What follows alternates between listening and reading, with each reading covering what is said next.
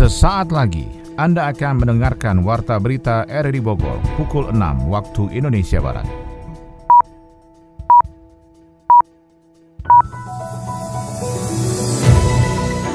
Selamat pagi, salam jumpa.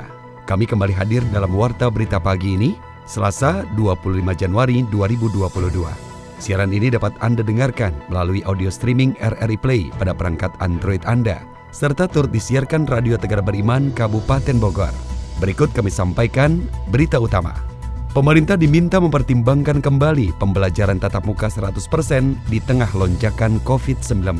Untuk kelompok anak-anak 6 sampai 11 tahun ini jangan PTM dulu, tunggu sampai terjadi COVID uh, Omikron ini terkendali. Sekarang kasusnya naik, Polresta Bogor Kota memeriksa artis FTV korban dugaan penganiayaan di tempat hiburan malam. Kebetulan yang pertama sudah kami periksa terkait dengan pelapor. Kemudian untuk hari ini adalah para saksi yang tahu terkait yang kejadian di sentrum. Masyarakat menyambut baik beroperasinya kembali bus kita Transpakuan.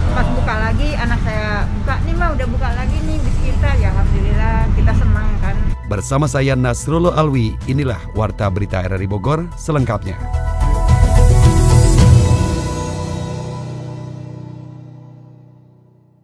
Saudara, tim penyidik KPK dalami potongan gaji ASN yang diduga diperintahkan Wali Kota Bekasi nonaktif Rahmat Effendi.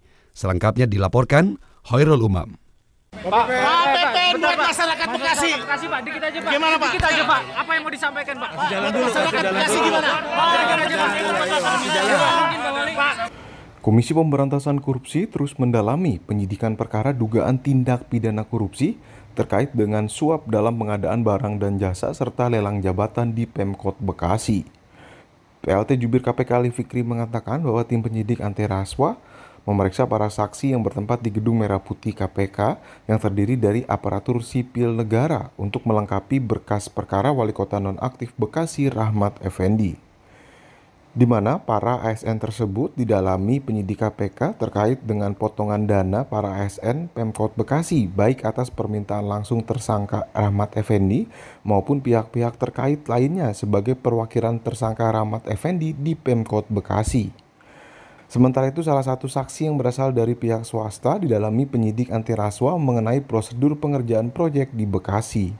Dari keseluruhan saksi yang hadir yang terdiri dari para lurah, para lurah dan juga kabak hukum, keterangannya didalami antara lain terkait dengan dugaan adanya aliran sejumlah uang untuk tersangka RE yang berasal dari potongan eh, potongan uang para ASN di pemerintahan eh, Kota Bekasi baik atas permintaan langsung tersangka RE maupun uh, melalui pihak-pihak yang terkait lainnya.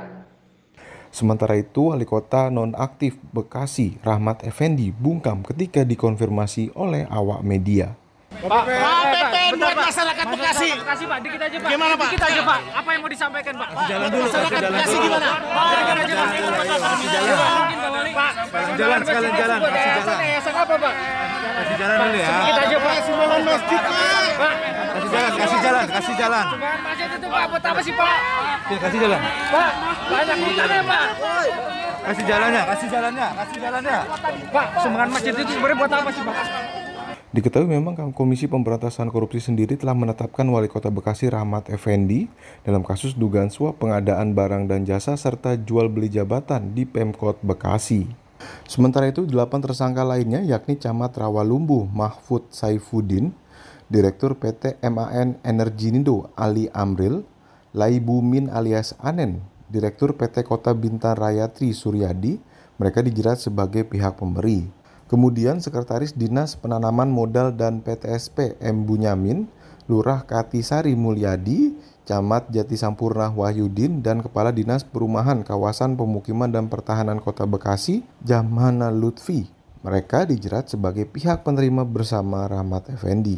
Penetapan tersangka terhadap mereka berawal dari operasi tangkap tangan yang dilakukan tim penindakan KPK pada hari Rabu 5 Januari 2022. Dalam operasi tangkap tangan tersebut, KPK mengamankan uang tunai sebesar 3 miliar rupiah dan 2 miliar dalam bentuk tabungan.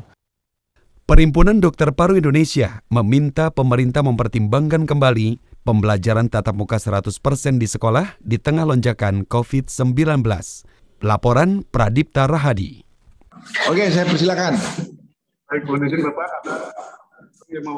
Jumlah kasus terkonfirmasi COVID-19 varian Omikron makin mengkhawatirkan. Di saat bersamaan, sekolah-sekolah kini mulai menerapkan pembelajaran tatap muka 100%. Melihat permasalahan ini, Perhimpunan Dokter Paru Indonesia meminta kepada pemerintah untuk dapat mempertimbangkan kembali pembelajaran tatap muka atau PTM di sekolah, mengingat masih banyak anak-anak yang belum divaksin. Ketua Pokja Infeksi, Pengurus Pusat Perhimpunan Dokter Paru Indonesia, PDPI, Dr. Dr. Erlina Burhan mengatakan cakupan vaksinasi COVID-19 untuk anak-anak SD berusia 6 hingga 11 tahun yang masih tergolong rendah. Erlina meminta kepada pemerintah untuk mempertimbangkan kembali kebijakan PTM yang tentu kini sudah tidak lagi aman bagi anak-anak. Untuk kelompok anak-anak 6 sampai 11 tahun ini jangan PTM dulu, tunggu sampai terjadi COVID uh, Omikron ini terkendali. Sekarang kasusnya naik, jadi kalau bisa pemerintah meninjau ulang anak PAUD SD ini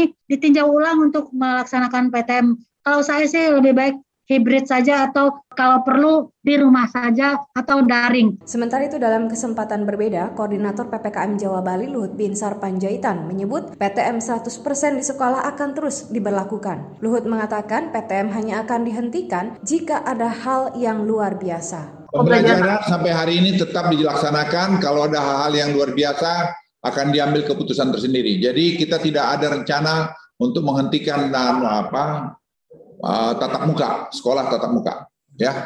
Lonjakan kasus COVID-19 membuat pemerintah harus memperpanjang penerapan PPKM di Jawa dan Bali hingga 31 Januari 2022. Meski memprediksi kasus terkonfirmasi akan terus meningkat, pemerintah masih belum berencana menerapkan PPKM darurat ataupun lockdown penguncian suatu wilayah guna membatasi mobilitas warga. Pemerintah mengklaim masih dapat mengendalikan COVID-19 varian Omikron yang terpantau dari kasus harian yang masih lebih rendah dari puncak kasus kasus Delta. Saudara TNI Polri dan Kejaksaan Negeri Kota Bogor melakukan operasi gabungan menyisir perkantoran dan instansi swasta maupun pemerintah untuk mencegah lonjakan COVID-19 varian Omikron. Sony Agung Saputra menurunkan laporannya. Angka paparan COVID-19 di Kota Bogor terus meningkat. Jumlah penderita positif di Kota Bogor mencapai lebih dari 20 orang dalam beberapa hari terakhir. Aparatur penegak hukum di jajaran Muspida setempat pun melakukan langkah-langkah pencegahan meluasnya paparan COVID-19, termasuk varian Omikron. TNI Polri dan Kejaksaan Negeri Kota Bogor melakukan apel gabungan untuk menyiagakan pasukan sentra penegakan hukum terpadu Gakumdu agar bisa cepat menangani penyebaran virus COVID-19. Kepala Kejaksaan Negeri Kota Bogor, Sekti Anggraini, menjelaskan menjelaskan, langkah terpadu seluruh aparatur penegak hukum dalam sentra Gakumdu itu guna memastikan penanganan protokol kesehatan di tengah-tengah masyarakat. Dengan demikian, laju COVID-19 yang cenderung meningkat dalam beberapa hari terakhir dapat ditekan. Bagaimana diketahui, di kota Bogor ada sentra Gakumdu khusus prokes COVID ya. Biasanya dulu kan kalau kalian kenal tuh pemilu ya. Jadi itu adalah penegakan hukum terpadu. Ya tadi seperti disampaikan Pak Kapolres luas ya dari pencegahan, dari apa peringatan sampai ke penegakan hukumnya. Jadi kami seperti yang kemarin itu sangat-sangat erat koordinasinya dengan pihak Polres karena ini butuh cepat seperti Pak Kapolres bilang penegakan hukumnya pun cepat. Jadi apa pun yang dilaksanakan di lapangan langsung diketahui oleh kami juga di sini. Jadi mana yang uh, masih peringatan, mana yang sudah merupakan pelanggaran yang harus masuk ke penegakan hukum. Pokoknya semuanya jadi satu terpadu, saling terkoordinasi Kapolresta Bogor Kota Kombes Pol Susatyo Purnomo Condro menegaskan penegakan hukum dalam protokol kesehatan harus tetap berjalan sehingga pihaknya tidak segan-segan mengambil tindakan jika ada masyarakat yang tidak patuh. Hal itu guna memastikan tidak terjadi lonjakan kasus COVID-19 khususnya Omikron yang diprediksi mempunyai paparan yang lebih cepat dibanding varian sebelumnya. Bersama Kejaksaan dan Denpom kita kembali untuk menguatkan kerjasama koordinasi terkait dengan protokol kesehatan. Dimensinya luas, tidak hanya tentang undang-undang kesehatan, bisa juga tentang berita-berita bohong, bisa juga terkait dengan pelanggaran-pelanggaran aturan pada ini Mendagri ya bersama Satpol PP dan tentunya ini menjadi ikhtiar kita untuk menekan angka positif di Kota Bogor. Tiga bulan kemarin kita berada pada level 1. Angka relatif itu 0, 0, 1 dan sebagainya. Tapi empat hari ini terjadi peningkatan yang signifikan sehingga semua satgas COVID di Kota Bogor, semua subsistemnya harus kembali dipanaskan untuk mengingatkan masyarakat bahwa Kota Bogor tidak sedang baik-baik saja dan kita akan berusaha agar protokol kesehatan dipatuhi betul oleh masyarakat sehingga penyebaran bisa terkendali. Operasi gabungan juga akan dilakukan dengan menyisir perkantoran dan instansi baik swasta dan pemerintah untuk memastikan protokol kesehatan berjalan seperti yang sudah dianjurkan pemerintah pusat. Sementara itu, Muspida Kota Bogor juga meningkatkan angka vaksinasi dan booster agar masyarakat bisa mencapai kekebalan komunal atau herd immunity untuk bisa menangkal virus COVID-19 secara maksimal. Masyarakat menyambut baik beroperasinya kembali bus kita Transpakuan yang sempat dihentikan sementara Kementerian Perhubungan. Laporan Adi Fajar Nugraha.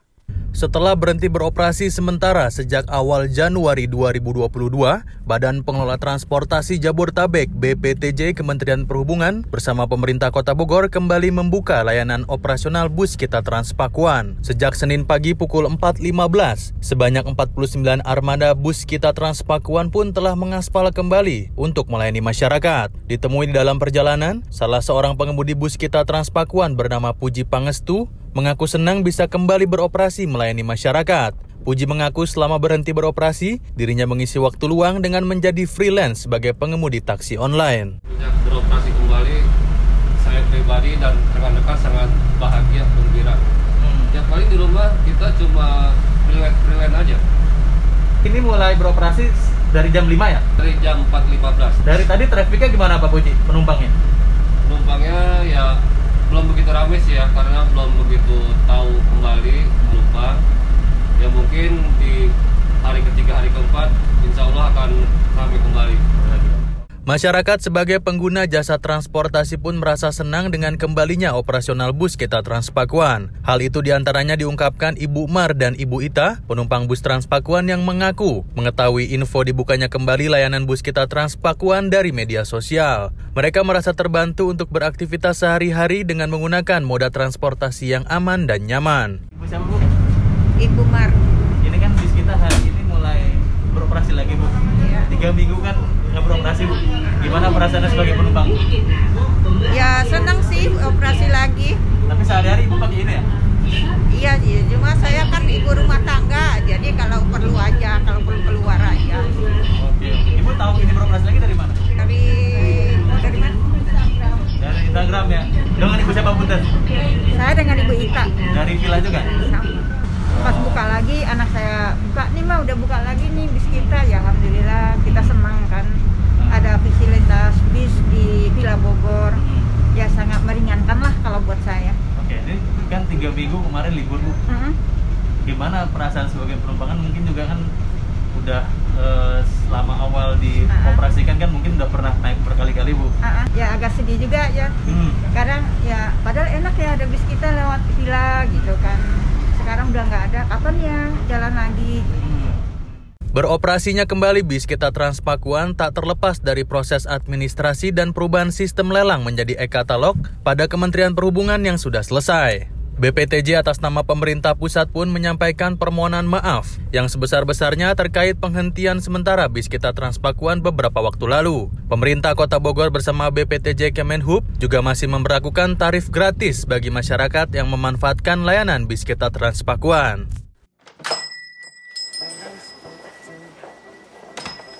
Cie, yang abis pulang liburan, gimana New York? Seru gak? You know, seru banget. So many tempat famous like Times Square nih yang really really crowded.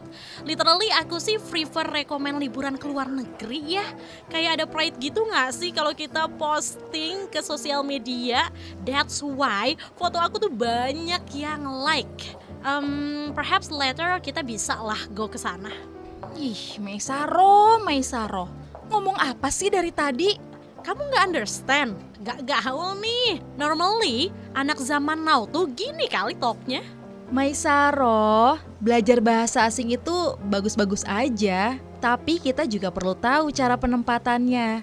Dan yang paling penting sih, kita nggak lupa ya sama bahasa kita. Kamu inget kan ikrar Sumpah Pemuda poin ketiga? Menjunjung bahasa persatuan, bahasa Indonesia. Ingat dong? Iya ingat. Makasih ya Francisca udah ngingetin.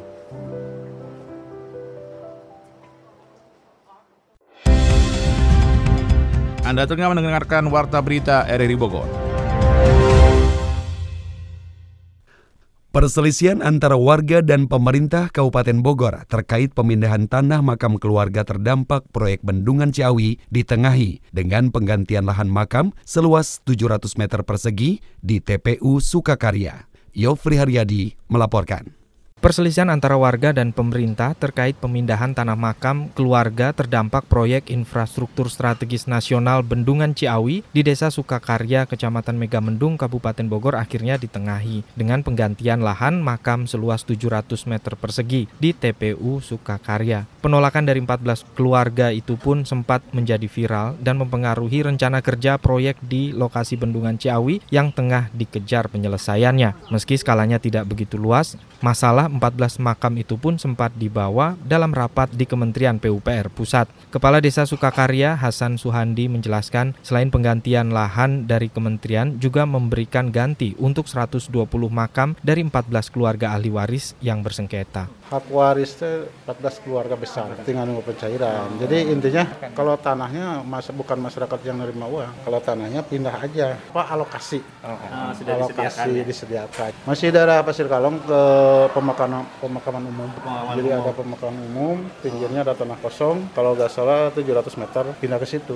Uh, kalau ininya ada juga sih keturunan-keturunan yang sudah puluhan tahun kalau ratusan tahun mungkin nggak ada oh nggak ada ya uh, silsilahnya kan ada semua tuh. Hmm, hmm, Jadi yang ahli waris sekarang ini posisinya cucu, cucu. Oh. Gitu. Sebelumnya dulu ada, malah terbengkalai juga waktu 2020 ya. Hmm. Itu kan dari 2018 pengurusan itu. Nah pas saya jadi, hmm. saya kan jadi tahun Februari 2021 diurus, alhamdulillah. Dari informasi di lapangan, satu makam diganti uang pemindahan sebesar 3 juta rupiah ke lahan TPU yang disediakan. Dari pelaksana konstruksi telah memberi target pemindahan secara swadaya dalam waktu tujuh hari kerja ke depan. Melewati target, doser dan alat berat akan meratakan lahan makam tersebut. Yandi, salah seorang ahli waris makam yang sebelumnya protes, akhirnya menerima dengan putusan itu.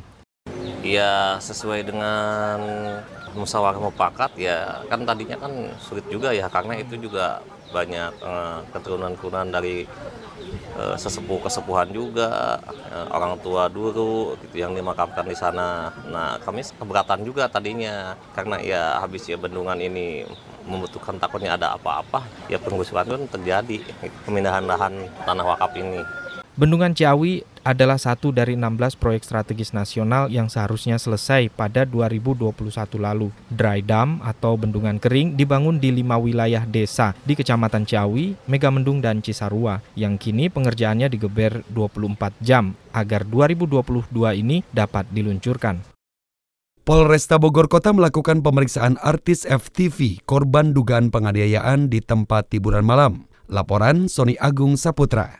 Aparatur Satreskrim Polresta Bogor Kota menindaklanjuti laporan dugaan penganiayaan artis FTV Dara Lestari Alfaridzi yang berlangsung di salah satu tempat hiburan malam. Artis tersebut bersama tiga orang saudaranya mendatangi Mapolresta Bogor Kota Kapten Muslihat Senin pagi kemarin untuk mendapatkan pemeriksaan berita acara pidana terkait dugaan tersebut. Kasat Reskrim Polresta Bogor Kota Kompol Doni Erwanto menjelaskan pemeriksaan artis tersebut sebagai korban dari dugaan penganiayaan. Penyidik membutuhkan keterangan saksi dan korban untuk mengetahui kejadian dugaan penganiayaan tersebut sehingga bisa mengambil sikap penanganan kasus tersebut secara menyeluruh. Memintai keterangan terkait masalah peristiwa yang dialami oleh mereka. Terkait masalah materi apa yang ditanyakan ya itu aja. Apa saja yang terjadi terus seperti apa.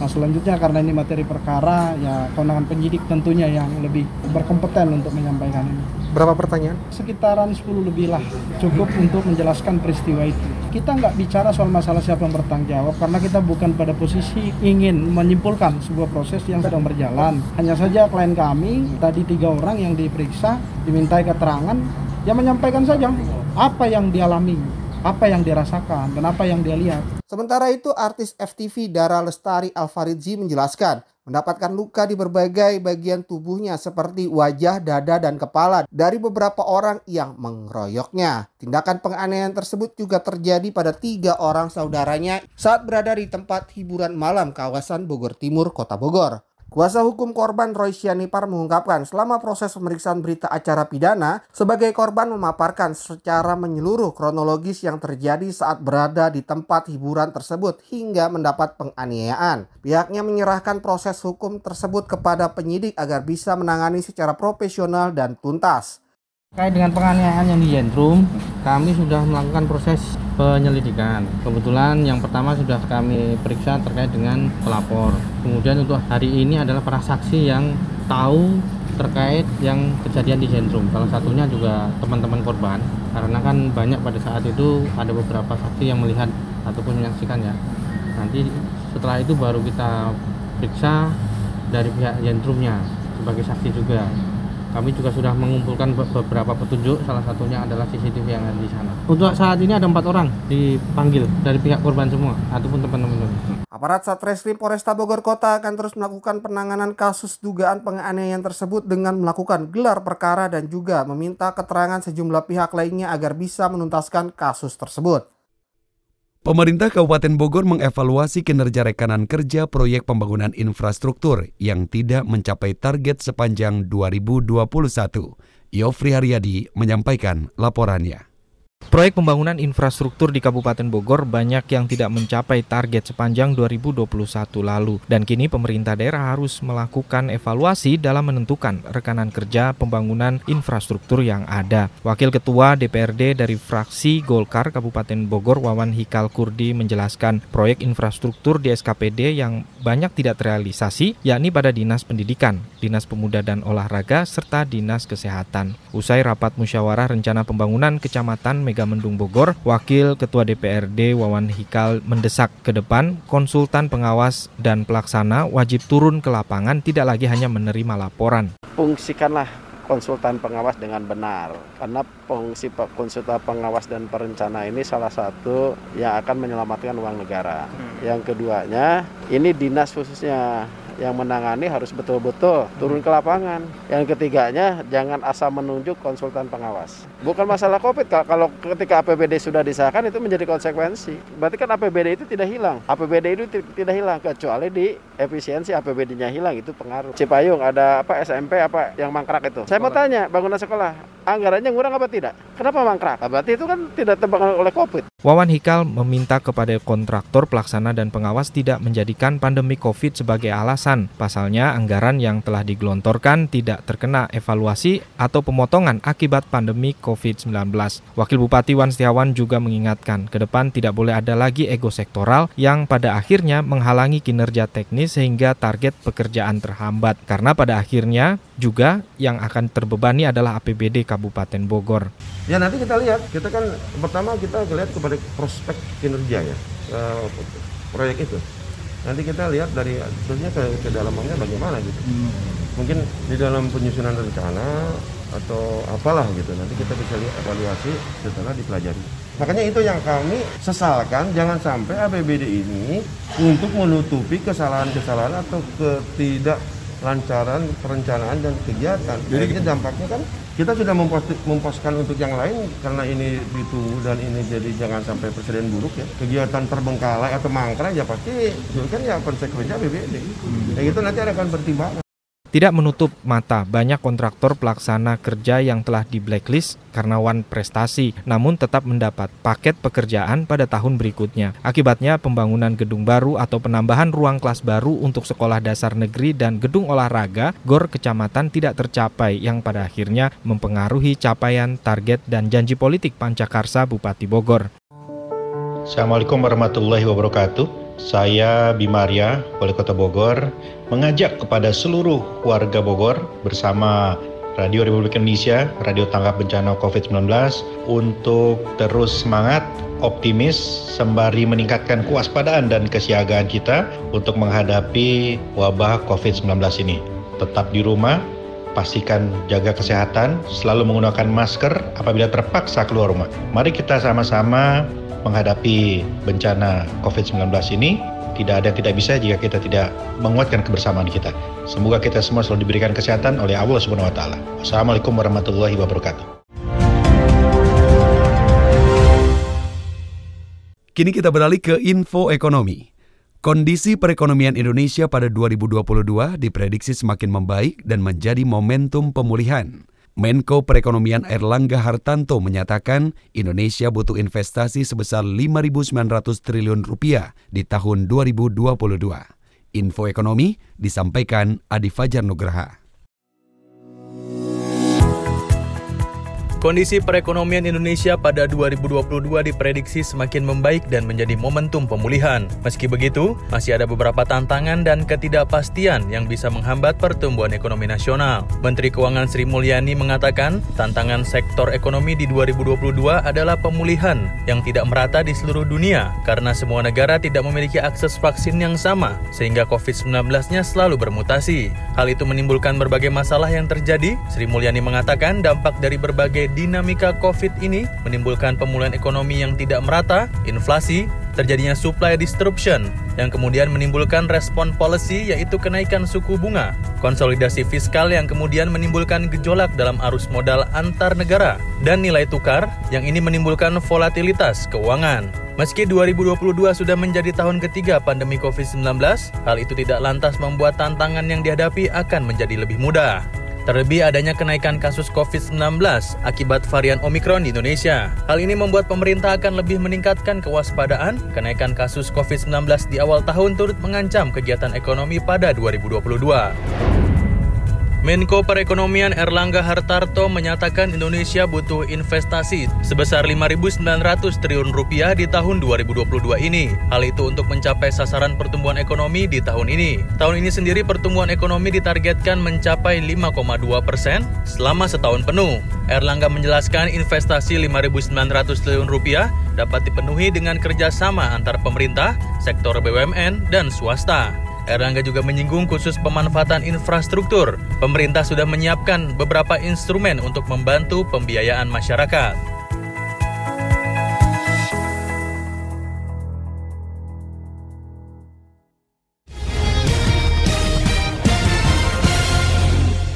Kini kita beralih ke informasi olahraga saudara. Pelatih Ralph Ragnick dikabarkan akan menjual trio pembuat masalah di Manchester United. Timnas Indonesia siap mengantisipasi kejutan yang akan diberikan Timur Leste pada laga FIFA Matchday. Info olahraga selengkapnya disampaikan Chris Wanto.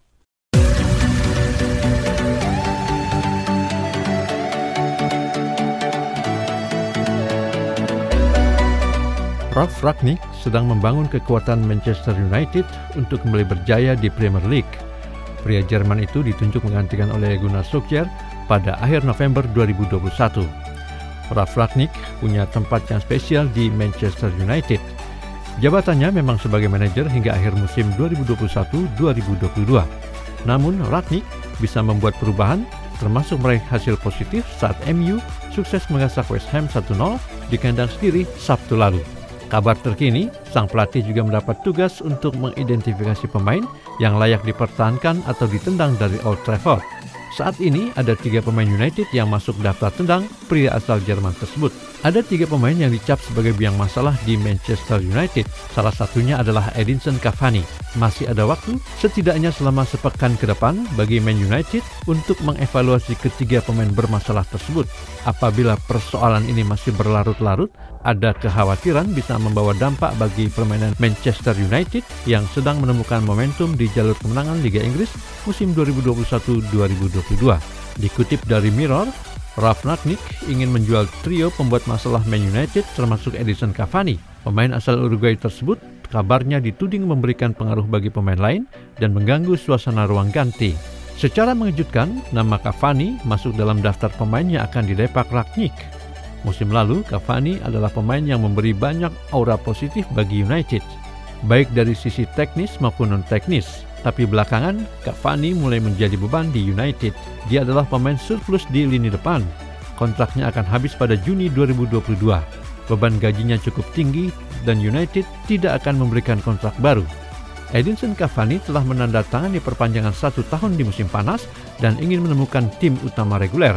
Namun ia masih belum cukup meyakinkan Ralf Ragnick untuk membuatnya tampil di tim utama. Meski ia memberikan assist untuk gol Marcus Rashford ketika mengalahkan West Ham. Gelandang timnas Indonesia Ramai Romakik menyebut pihaknya mengantisipasi kejutan yang akan diberikan Timor Leste pada laga FIFA Matchday. Ramai Romakik menyebut Timor Leste adalah tim yang tangguh. Timnas Indonesia akan menghadapi Timor Leste pada dua laga FIFA Matchday. Laga-laga tersebut akan digelar pada tanggal 27 dan 30 Januari 2022 di Stadion Kapten Iwayan Dipta, Gianyar, Bali. Laga ini akan dimanfaatkan Timnas Indonesia untuk memperbaiki peringkat di ranking FIFA. Begitu juga dengan Timor Leste yang belum pernah menang dalam empat laga terakhir. Apalagi Timor Leste dikenal sebagai tim yang punya visi bermain bagus dan tangguh dalam pertandingan.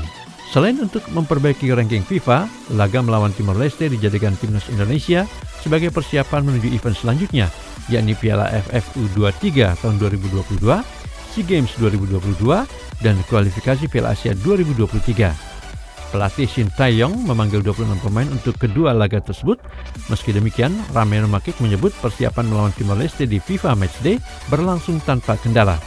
Menurut Memakik, timnas Indonesia dalam kondisi siap tempur.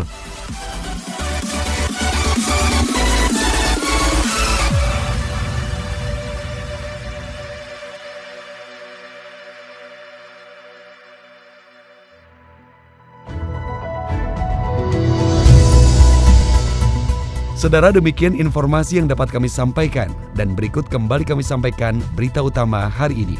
Pemerintah diminta mempertimbangkan kembali pembelajaran tatap muka 100% di tengah lonjakan COVID-19. Polresta Bogor Kota memeriksa artis FTV korban dugaan penganiayaan di tempat hiburan malam.